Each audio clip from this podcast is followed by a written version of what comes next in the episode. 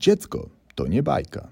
Cześć, z tej strony Ania i witam Cię w kolejnym odcinku podcastu Dziecko to nie bajka. Dziś porozmawiamy o tym, jak rozmawiać i wspierać rodziców, którzy na serio mają podgórkę. Nieraz słyszycie z moich ust pytania, czemu ja, albo czy coś wreszcie będzie proste. I dobrze wiecie, że narzekanie na trudy związane z macierzyństwem to mój chleb powszedni, bo życie z Hajnidem mocno wywróciło mój świat. Jednak za każdym moim marudem, niepowodzeniem czy zwyczajną frustracją w tle głowy mamy myśl, że wszystko minie, bo tak naprawdę to mamy szczęście, że mamy siebie i jesteśmy zdrowe. Bo z tym zdrowiem bywa różnie i zdaję sobie sprawę, że niektóre dzieci i ich rodzice dostają od życia znacznie gorsze karty, z którymi muszą jakoś grać. I że moje narzekanie na kolkę czy bolesne ząbkowanie jest po prostu małym pryszczem. I z wielką pokorą myślę o tym, że moje problemy tak na serio nie są problemami, dopóki wiem, że za jakiś czas wszystko będzie dobrze. No ale nie każdy ma taki luksus.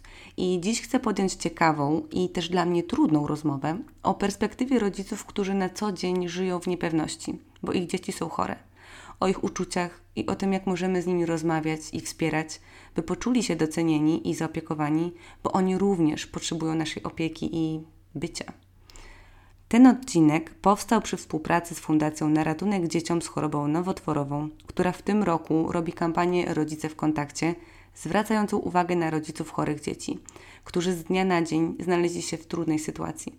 Chodzi o to, by rodzice dzieci chorych onkologicznie byli w kontakcie poprzez realizację swoich potrzeb, bycia w kontakcie z rodziną, ze znajomymi, których miało się do tej pory, podejmowania aktywności, które wcześniej realizowali, bycia w kontakcie ze sobą. I jeszcze zanim przejdę do rozmowy, muszę Was uprzedzić, że sama nie wiem, jakie emocje ona we mnie wzbudzi.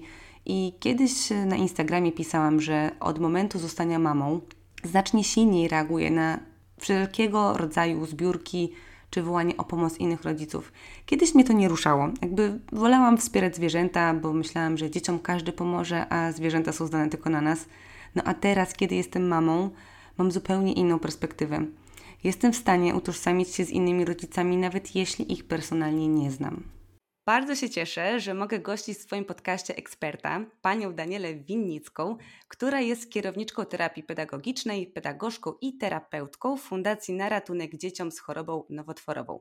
Pracuje z dziećmi zmagającymi się z chorobami nowotworowymi w przylądku nadziei.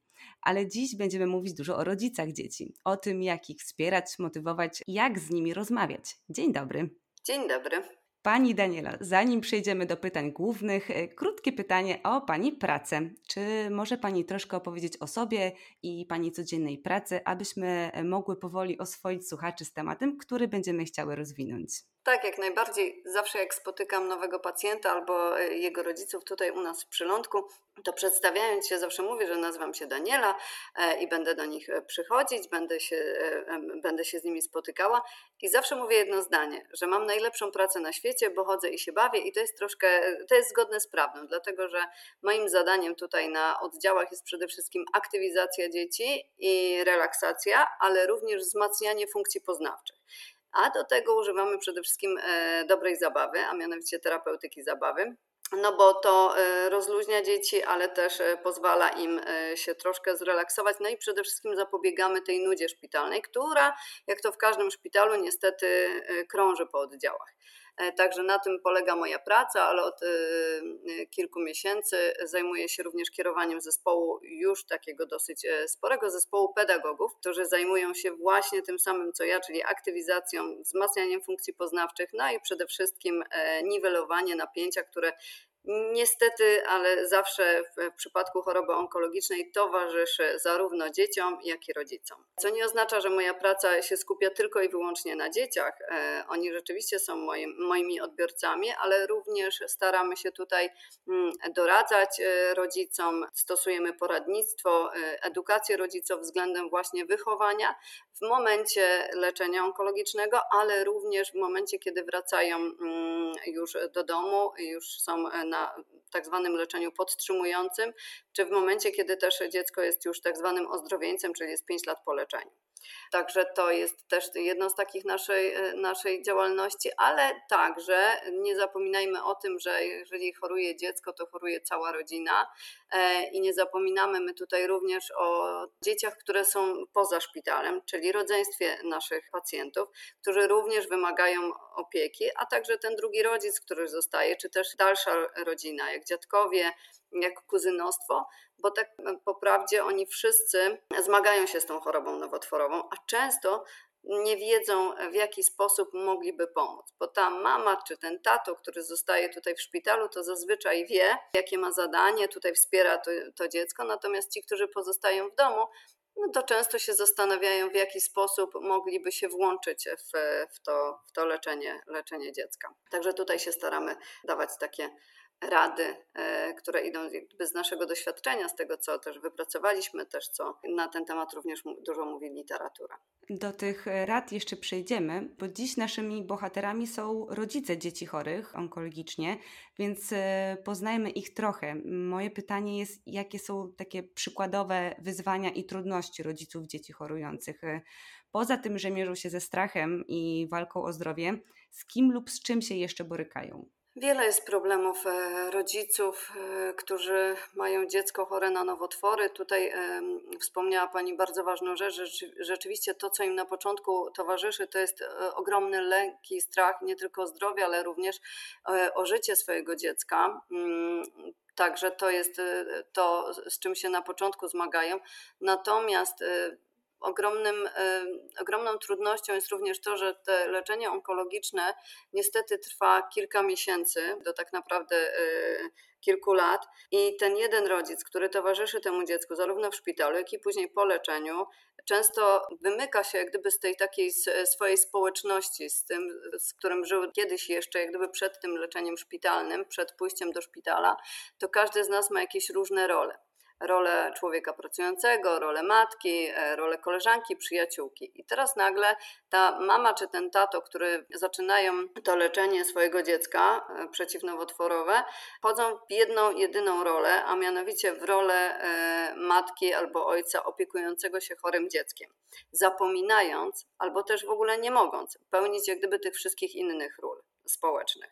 Często e, osoby, zazwyczaj to są mamy, e, rezygnują ze swojej pracy zawodowej z racji tego, że tutaj jednak to leczenie trwa tak długo i wypadają nawet z rynku pracy. Wielokrotnie spotykałam się z takimi mamami, które wcześniej były bardzo aktywne zawodowo i po kilku latach e, takiego intensywnego leczenia, bo intensywne leczenie kilka miesięcy, takie szpitalne, później powrót do domu, ale leczenie podtrzymujące. Tu trzeba też mm, powiedzieć jasno, że te dzieci od razu nie wracają do swoich ról społecznych, które miały wcześniej, czyli nie wracają do szkół od razu, tylko mają nauczanie indywidualne, co oznacza, że ten rodzic nadal musi być obecny w życiu tego dziecka cały czas co wyrzuca tą, tą osobę poza margines właśnie takiej pracy zawodowej. I te mamy po kilku mm, latach spędzonych w domu, i to się też tak spotkałam z, z jedną mamą, wcześniej nauczycielką, która mi powiedziała: Ale ja już nie wiem, czy ja mogę wrócić e, do pracy. Nie wiem, czy jestem dobrym pracownikiem, nie wiem, czy nie zapomniałam, jak być e, nauczycielem,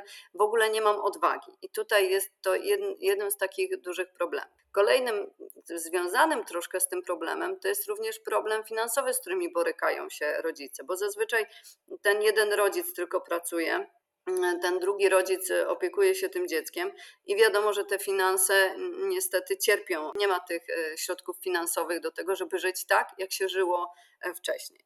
Kolejną e, rzeczą, z czym się borykają rodzice, szczególnie rodzic, który jest tutaj w przylądku nadziei, to, że zostawiają mm, za tymi murami szpitalnymi, zostawiają swoją rodzinę, swoje dzieci, nie mogą się z nimi spotykać, spotykają się bardzo rzadko albo łączą się przez e, komunikatory, e, szczególnie jak był czas pandemii, to wtedy przez kilka miesięcy nie, nie mogli się kontaktować ze sobą, ale tak naprawdę to leczenie niestety wymaga takiej izolacji dziecka i, i tego rodzica od swojej rodziny. I to też czasami zaburza pewne więzi, więzi rodzinne. Ja też e, lubię mówić o tych naszych, e, szczególnie mamach, bo to zazwyczaj mamy tutaj mamy, ale to, to się bardzo zmienia. Czasami są tutaj e, e, dziadkowie, czasami są tutaj tatusiowie, zdarzają się również ciocie, które się opiekują. Natomiast e, w większości jest mam i te mamy, ja mówię na te mamy, że to są takie mamy menadżerki, bo one będąc tutaj z dzieckiem w szpitalu, zajmują się również taką, takim kierowaniem tym wszystkim, co się dzieje w domu. Niejednokrotnie słuchałam taką rozmowę, że mama mówiła, a to ubierz córce takie rajstopki, a to pamiętaj, albo w ogóle dzwonią, budzą rano dzieci do szkoły, także wciąż się zajmują e, tymi, tym swoim życiem, które zostawiły na zewnątrz. Ale to się łączy również z taką, z, z, również z problemami, bo nie zawsze się to też udaje. Zdarza się tak, że rodzeństwo, które również bardzo przeżywa e, chorobę nowotworową swojego siostrzyczki czy braciszka, przestaje się uczyć, e, przestają chodzić do szkoły, mają swoje problemy. Także no, to, jest, to jest szereg, szereg problemów i jeden problem pociąga za sobą też e, kolejny problem. Także myślę, że tutaj pokrótce opowiedziałam takie najważniejsze punkty. No już też y, jedną z istotnych rzeczy to jest też kwestia małżeństwa, że ci rodzice siebie zazwyczaj jest tak, że oni się wymieniają e, opieką nad tym chorym dzieckiem, czyli jeden rodzic przyjeżdża do szpitala, w biegu przekazuje, co trzeba zrobić, jak się opiekować tym dzieckiem i wyjeżdżają, że oni nawet nie mają czasu na to, żeby sobie usiąść i napić się jakiejś kawy i chociażby ze sobą porozmawiać. Cały czas są gdyby osobno i to trwa kilka miesięcy. Także Także myślę, że to są takie najistotniejsze problemy, z którymi się borykają. Właśnie chciałam dopytać, jak e, ludzie są w stanie takie, takie relacje rodzinne zachować. Przecież ja, ja sama widzę po sobie, że często potrafię się sprzeczać o jakieś bzdety tak naprawdę, a tutaj e, ludzie komunikują się głównie przez telefony, zarządzają życiem i są menadżerami, tak jak pani powiedziała, a to trwa miesiącami, tak? Albo nawet latami, bo przyznam szczerze, że nawet nie byłam świadoma tego, że to są też takie izolacje, bo, bo też o tym jakoś tak głośno nie jest mówione, że jak już jest choroba, to to to nie jest tak, że właśnie, że sobie siedzimy w domu na kanapie i podajemy leki, tylko tutaj to jest znacznie większe zaangażowanie, żeby, bo rozumiem, że po prostu ciało jest też takie bezbronne na, na wszystkie innego rodzaju wirusy. Ile trwa taka izolacja, tak mniej więcej? To jest zależne od y, jednostki chorobowej, z jakimi się zmaga dziecko, ale zazwyczaj te pierwsze intensywne takie leczenie trwa około trzech miesięcy. Ciągłego e, zamknięcia, podawania chemii, e,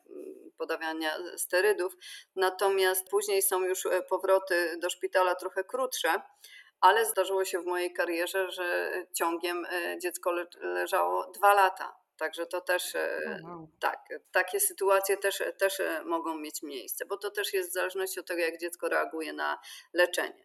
Natomiast e, no, ta izolacja, izolacja przede wszystkim społeczna, bo to dziecko nie wraca do swojego kręgu przyjaciół, bo nie może się spotykać, bo ma słabą odporność. E, rodzice muszą, i to też jest jeden z takich istotnych problemów, a myślę, że o tym nie powiedziałam, że rodzice też.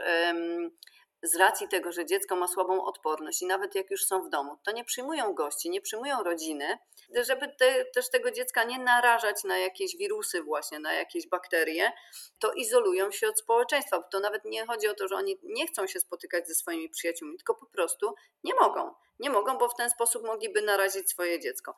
I też dotyczy to y, rodzeństwa, które, które nie, jest, nie jest chore, a również musi ograniczać kontakty społeczne ze swoimi nawet przyjaciółmi, żeby czegoś nie przynieść do domu żadnego wirusa. Czasami też mi się to y, zdarzyło, że dzieci chodzące do przedszkola były z tego przedszkola, zdrowe rodzeństwo, były z tego przedszkola y, wycofywane, żeby właśnie nie było możliwości przynoszenia tych wszystkich chorób przedszkolnych. Także to jest tak. Bardzo duże poświęcenie całej rodziny. Tak, absolutnie. Absolutnie. To jest tak, jak, jak e, mówi to hasło, że e, jeżeli choruje dziecko, choruje, e, choruje cała rodzina. To my nie myślimy tutaj tylko o tej takiej podstawowej jednostce rodziny, gdzie jest mama, tato i dzieci, tylko tak naprawdę to się rozszerza na wszystkich, bo również i na przyjaciół tych, na tą troszkę dalszą rodzinę, bo oni się też nie mogą spotykać, a też tą chorobę przeżywają, bo jeżeli jest taka choroba w, w rodzinie, to zazwyczaj e, wszyscy gdzieś ją noszą w sobie. A czy spotkała się Pani wśród swoich pacjentów z taką opinią, że właśnie środowisko ich trochę nie rozumie, że ich przyjaciele mm, właśnie nie, nie rozumieją, dlaczego oni nie mogą się spotykać, że sami się zamykają, że, że gdzieś tam czują się tacy porzuceni, e, mimo że chcą jak najlepiej i nie mogą się spotkać, to, to że gdzieś tam są wykluczeni na przykład.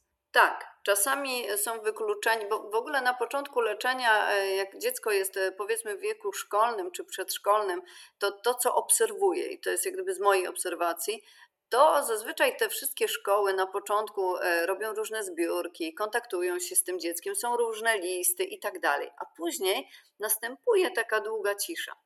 I to wszystko w zależności jest od tego, jaki to jest nauczyciel, e, jak bardzo rozumie też tą chorobę e, dziecka, tą, z czym on się zmaga, no to jest, jest jak gdyby zależne, jaki ten kontakt będzie utrzymany. Niektóre są fantastyczne e, szkoły, które cały czas starają się, żeby to dziecko było w kontakcie ze swoją klasą, że po tych dwóch latach nieobecności, żeby gładko wrócił do, do, tego, do tego swojego środowiska naturalnego, jakim jest też szkoła, ale Niestety zdarza się również tak, i to jest też często przeze mnie obserwowane, że szkoły milkną. A te ci nasi pacjenci też nie mają odwagi, z racji tego, że zmienia im się, zmienia im się świat, zmienia, zmienia im się też wygląd. To szczególnie dotyczy nastolatków. Oni sami czasami urywają te kontakty nie chcą, nie, nie, chcą kontynuować pewnych e, przyjaźni, z racji tego, że są w trochę innej sytuacji i myślę, że że, że krępują się, ale mówią, często mówią o tym, że są bardzo samotni. I tutaj nie ma dobrego rozwiązania. Szczególnie dotyczy to dzieci szkolnych i, i nastolatków.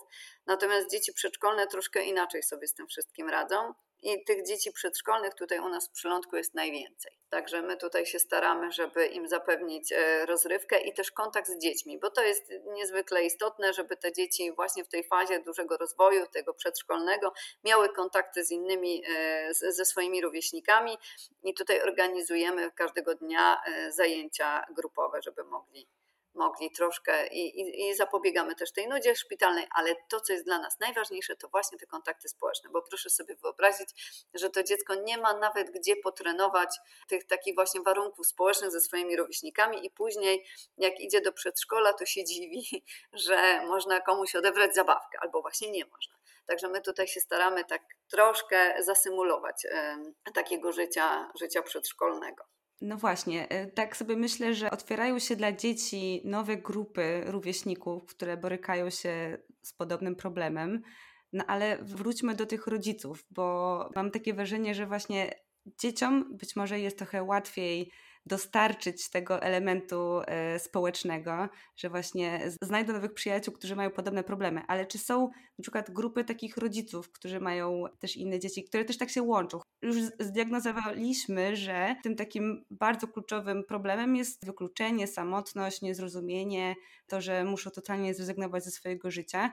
Staram się zadać to pytanie, jak możemy wspierać tych rodziców chorych? Jak my możemy ich wspierać poza tym, że będziemy uczestniczyć w zbiórkach, będziemy nagłaśniać, czy jest coś, co, co sprawiłoby im przyjemność? Myślę, że jest wiele takich rzeczy, ale też powiedziała Pani coś bardzo istotnego, a mianowicie e, o tej takiej grupie społecznej dla rodziców. Ja myślę, że oni tutaj też odnajdują swoją grupę społeczną i to są, tu są przyjaźnie e, na wiele, wiele lat, bo jednak łączy coś takiego jak choroba, jak taki główny problem, właśnie ten lęk i strach o życie dziecka. Także jak widzę tych rodziców, którzy przychodzą na zajęcia grupowe dla dzieci, to oni sobie siadają gdzieś tutaj w kąciku i e, mówią o tych wszystkich e, swoich problemach, e, przyjaźnią się, chodzą razem do, do sklepu.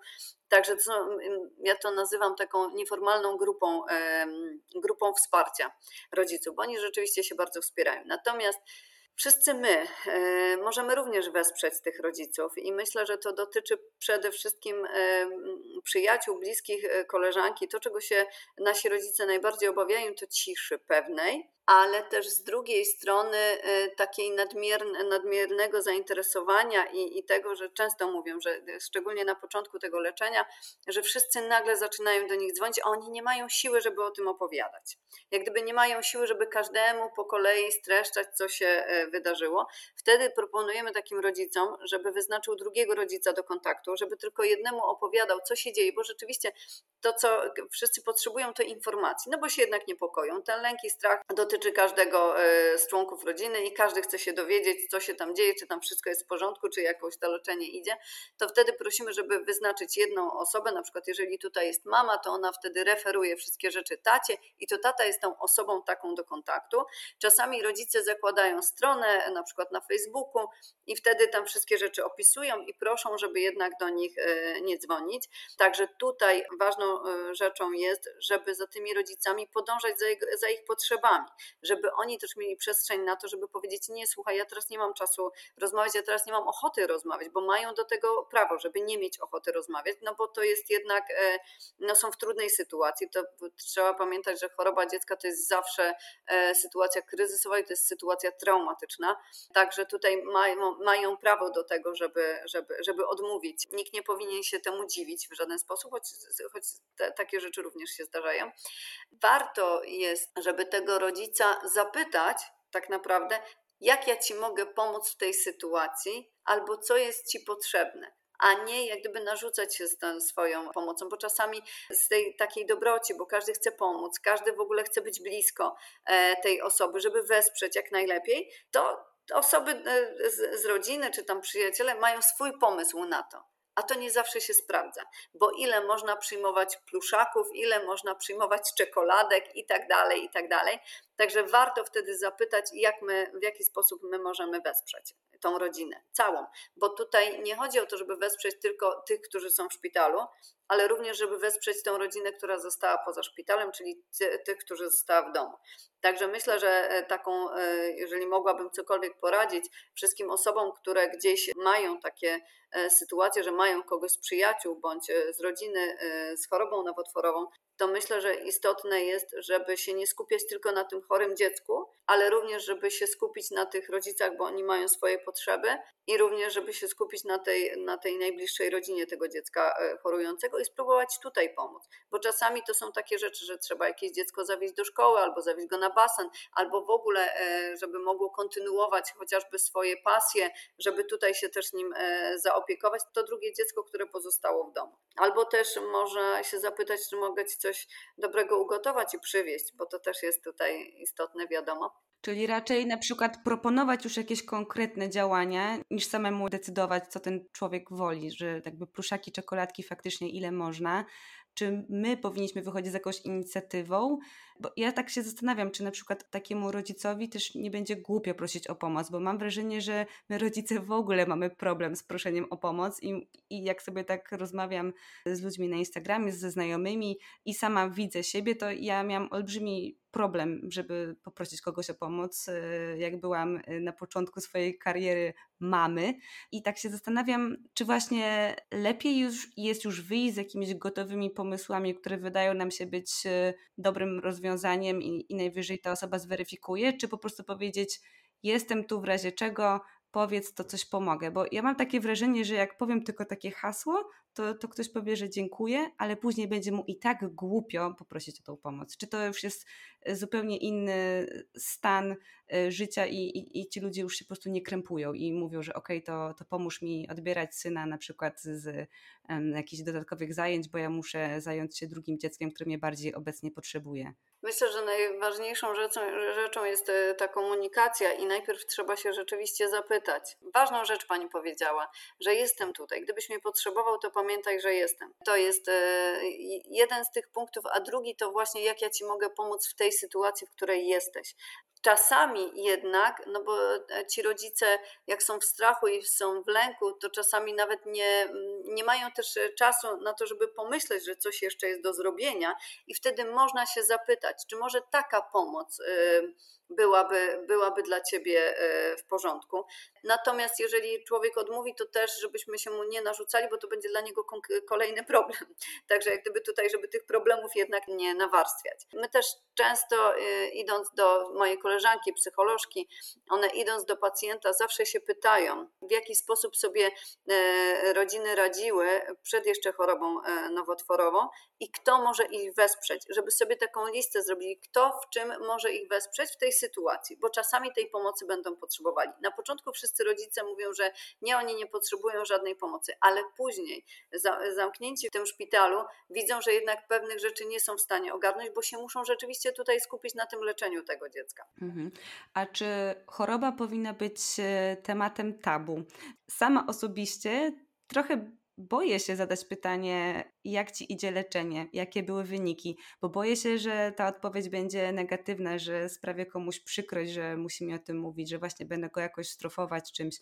Co mówić, a czego nie mówić rodzicowi dziecka chorującego na nowotwór, tak żeby go nie zawstydzić? Czy powinnam okazywać współczucie, bo mam też takie wrażenie, że, że ludzi to też stresuje, że ktoś się nad nimi lituje, a broń Boże, nie jest to moja intencja. Czy są jakieś takie metody, jak dobierać słowa tak, żeby właśnie kogoś nie urazić, a jednak okazywać to wsparcie? Właśnie tutaj też e, dotknęła Pani bardzo ważnej rzeczy. Są e, słowa, których e, rzeczywiście nie powinno się mówić, na przykład takich będzie dobrze. To jest jedno z takich zdań, za którym idzie pewien ładunek emocjonalny, który niestety często zamienia się w negatywnie, no bo co my możemy wiedzieć, prawda? Że co to znaczy, że będzie dobrze? Jak gdyby nie, nie jest to zupełnie niekonkretne, a to się najczęściej zdarza, że rodziny, przyjaciele mówią: Nic się nie martw, będzie dobrze. No wiadomo, że ten człowiek tak się będzie martwił, wie, nie, nie, jesteśmy w stanie określić, co to znaczy będzie dobrze, bo jednak to leczenie jest takie, takie bardzo intensywne. To jest jedna z takich rzeczy, które staramy się, żeby, żeby unikać w ogóle w rozmowach z, z osobami, które mierzą się z chorobą w ogóle. A drugą, drugą taką, e, taką rzeczą to są wszystkie te rzeczy, które są takie zmilitaryzowane, czyli e, wszystkie musicie walczyć. W ogóle słowo musicie jest też takie nacechowane e, emocjonalnie i też wymusza niejako pewną postawę. I tak samo jak walczyć, jak, że jest bohaterem, że jest dzielny, to też starajmy się tego unikać, bo co to znaczy, że dziecko jest dzielne w, w, w chorobie i co to znaczy, że musi walczyć. Już nie mówiąc o tym, że czasami mm, się niekorzystnie kończy y, leczenie przeciwnowotworowego, to, to co to oznacza? Że, że nie walczył? Tak, że nie no walczył. No tak, i tutaj jak gdyby starajmy się też tego, tego unikać. Mm, natomiast bardzo pięknie Pani powiedziała, czy możemy współczuć, czy raczej wspierać. Ja myślę, że to drugie, że wspierać. Rzeczywiście nikt od nas nie oczekuje takiego współczucia, ale czasami pod, rodzice potrzebują po prostu bycia z kimś, z, że ktoś jest obecny i tu nie trzeba czasami nic mówić. Tu trzeba nauczyć się słuchać przede wszystkim. Jeżeli ten rodzic będzie chciał mm, powiedzieć, to on sam powie. Jak gdyby nie musimy mu zadawać pytań, które mogą być dyskomfortowe, gdyby mierzymy się z tym dyskomfortem również i my, tylko po prostu być. To jest chyba najważniejsze, że, że to się gdzieś e, samo tak toczy. Ważne jest, żeby przyjść do tej osoby, napić się z nią herbaty, napić się z nią kawy i po prostu pobyć. Bo ci rodzice czasami potrzebują tylko kontaktu z drugim człowiekiem i niekoniecznie rozmawiania wtedy o chorobie, bo jak gdyby z tą chorobą zmagają się cały czas. A tak jak powiedziałam, oni też mieli różne inne e, role społeczne, jak gdyby mają te role społeczne w trakcie leczenia dziecka zawieszone ja to w ten sposób mówię, zawieszone, ale kiedyś wrócą. Tak samo dzieci czasami są zawieszone, bo ktoś, nie wiem, trenował coś i nie może teraz trenować przez kilka dobrych lat. Zawsze o tym mówię, to jest tylko zawieszenie, jeszcze kiedyś wrócisz. To tak samo z tymi rodzicami. I myślę, że też warto e, z nim e, rozmawiać o innych rzeczach, które się dzieją, żeby tylko się nie fiksować na tej, na tej chorobie, bo to jest tylko fragment ich życia. Czyli to są takie małe rzeczy, które my możemy zrobić, żeby pomóc im na jakąś chwilę może zapomnieć o tej sytuacji, żeby poczuli się tak, jakby byli bez tej choroby, tak jak normalnie, czyli tak samo chcą być traktowani jako normalni ludzie, a nie jako wojownicy, czy, czy właśnie osoby, które mają gdzieś gorzej, trudniej to jednak trzeba bardzo mocno uważać na słowa. Ale powiedziała Pani też fajną rzecz odnośnie tego zawieszenia, bo to słowo kojarzy, to zawieszenie, to słowo kojarzy mi się z takim optymizmem, z takim czymś, że jakby to się zaraz skończy. I chciałabym pozytywnie zakończyć ten odcinek. Przeczytałam Pani wywiad y, dla Zwierciadła, w którym powiedziała Pani, i tu cytuję, Ja staram się walczyć z tym mitem niepowodzenia leczenia, bo wiele nowotworów, szczególnie u dzieci, jest uleczalnych w 80%. Medycyna mocno poszła do przodu, ale my jako społeczeństwo ciągle myślimy po staremu. I tutaj jest to bardzo pozytywny wydźwięk. Ja szczerze powiedziawszy też miałam negatywne skojarzenia, ale jakby ta liczba 80% jest bardzo optymistyczna. I czy może Pani powiedzieć e, jakąś może szczęśliwą historię? Ma Pani kontakt dalej z rodzicami, którzy są już po chorobie tak, oczywiście. Mam kontakt zarówno z rodzicami, jak i z, z dziećmi, które są po, chorobie i zawsze mnie, zawsze mnie cieszą e, spotkania z tymi dziećmi i z tymi rodzicami, bo często jak wchodzą do szpitala po kilku miesiącach e, od leczenia, to ja nie jestem w stanie poznać ani rodzica, ani dziecka, bo po pierwsze ta mama zazwyczaj jak już tu przyjeżdża po kilku miesiącach, to się okazuje, że gdzieś tam ma jakiś makijaż i my się zastanawiamy zawsze, kto to jest, ktoś nas uśmiechem szerokim witamy, nie wiem, a już nie mówiąc o dziecku, które się bardzo zmienia w trakcie leczenia i później e, tak nam pięknie rozkwita, jak już jest po leczeniu takich historii szczęśliwie zakończonych znam, myślę, że kilkadziesiąt, jak już nie wiem, czy nie idzie to w setki i zawsze się bardzo lubię spotykać. Mamy taką galę zwycięstw dla ozdrowieńców i bardzo lubię tam e, przychodzić na, to, na tą galę właśnie z, z racji tego, że tam widzę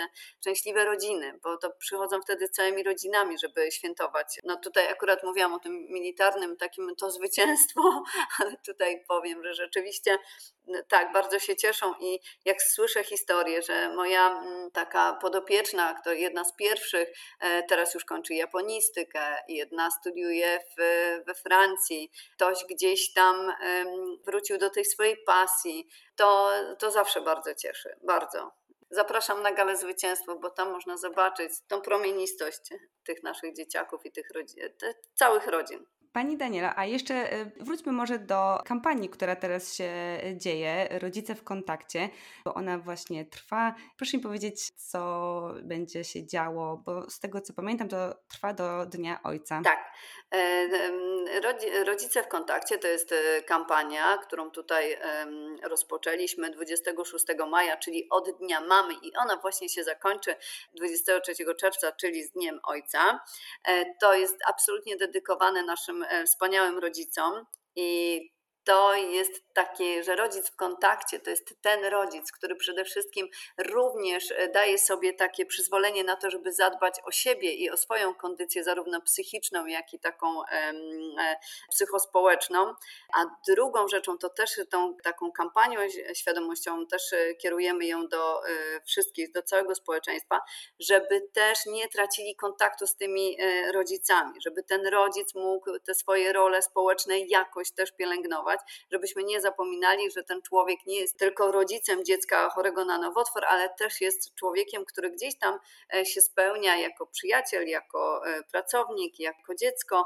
O, o to chodzi w tej kampanii. Zbieramy tutaj również fundusze na to, żeby tym rodzicom zapewnić jak najlepsze warunki podczas pobytu w szpitalu, czyli e, zapewniamy masaże, zapewniamy mm, różne ćwiczenia również y, chcemy pójść w kierunku arteterapii dla rodziców, bo oni często jak przychodzą do nas na zajęcia arteterapeutyczne z dziećmi, to mówią, a my też byśmy chcieli coś takiego dla siebie zrobić, z racji tego, żeby się troszkę oderwać od, od tej również nudy szpitalnej, która też tych rodziców również dopada. Będziemy chcieli, żeby tym rodzicom, tak jak dla dzieci, żebyśmy mieli jak najwięcej zajęć, żeby oni tutaj mogli się też spełniać i też niwelować swoje napięcie, które na pewno jest. Jest to piękna kampania, piękna akcja i bardzo się cieszę, że też e, mogłam taką swoją cegiełkę w postaci tego wywiadu dołożyć. Ja będę jak najbardziej zachęcać do zbiórek, ale też chciałabym, żeby wybrzmiał e, ten nasz przekaz,